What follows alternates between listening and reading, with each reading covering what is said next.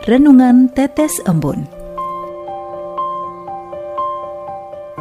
Sobat Katolikana yang dikasihi dan mengasihi Tuhan, kita berjumpa lagi dalam program Renungan Tetes Embun yang dipersembahkan oleh Radio Katolikana.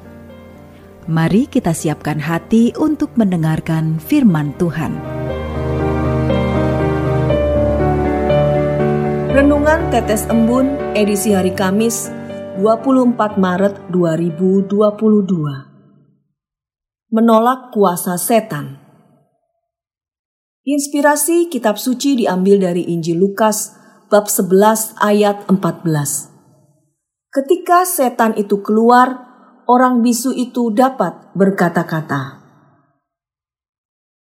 Yesus mengusir setan yang telah membisukan seseorang. Karena setan merasukinya, orang tersebut dibuat tak bisa berbicara. Baru setelah setan diusir darinya, orang itu bisa berbicara. Sebuah mujizat besar terjadi. Itulah yang kemudian membuat banyak orang heran betapa hebatnya Yesus yang mampu mengusir setan. Bukan hanya heran, ada juga yang kemudian memberi tuduhan jahat pada Yesus. Yesus dituduh punya kuasa Balsebul, penghulu setan sehingga bisa mengusir setan itu. Dari tuduhan yang tidak benar ini kita melihat bahwa ternyata setan tidak hanya membuat orang menjadi bisu. Setan juga mampu membuat orang berbicara tentang sesuatu yang jahat dan tidak benar. Setan bisa membuat orang menciptakan tuduhan-tuduhan palsu pada sesama yang dibenci. Fitnah, kebohongan, hoax, ujaran kebencian, dan makian adalah bentuk kerja setan. Melalui kata-kata kasar dan tak benar, setan membuat manusia saling membenci, melukai, bahkan membunuh. Dewasa ini kita melihat kerja setan makin nyata dan luas. Betapa banyak manusia saling menyakiti dengan kata-kata keluar dari mulutnya. Bukan hanya melalui mulut, kata-kata jahat juga sering diproduksi melalui media sosial.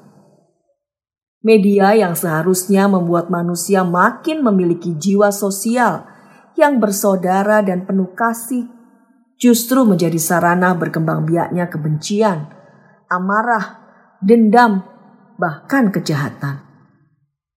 Sekali lagi, melalui kata-kata yang keluar dari mulut atau jari manusia, setan telah merusak kedamaian dunia yang diberikan oleh Allah. Lalu bagaimana denganmu?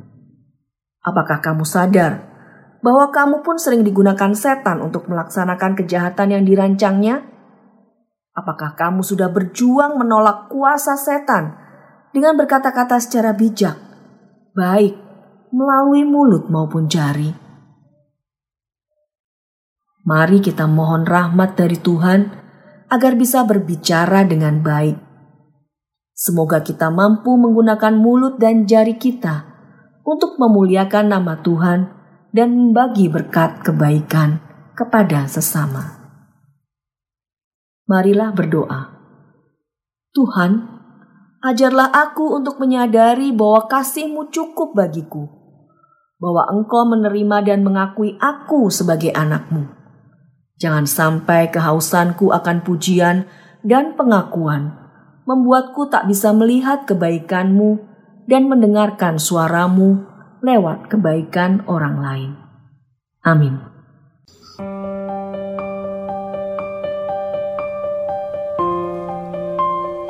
Demikian Anda telah mendengarkan Tetes Embun yang dipersembahkan oleh Radio Katolikana.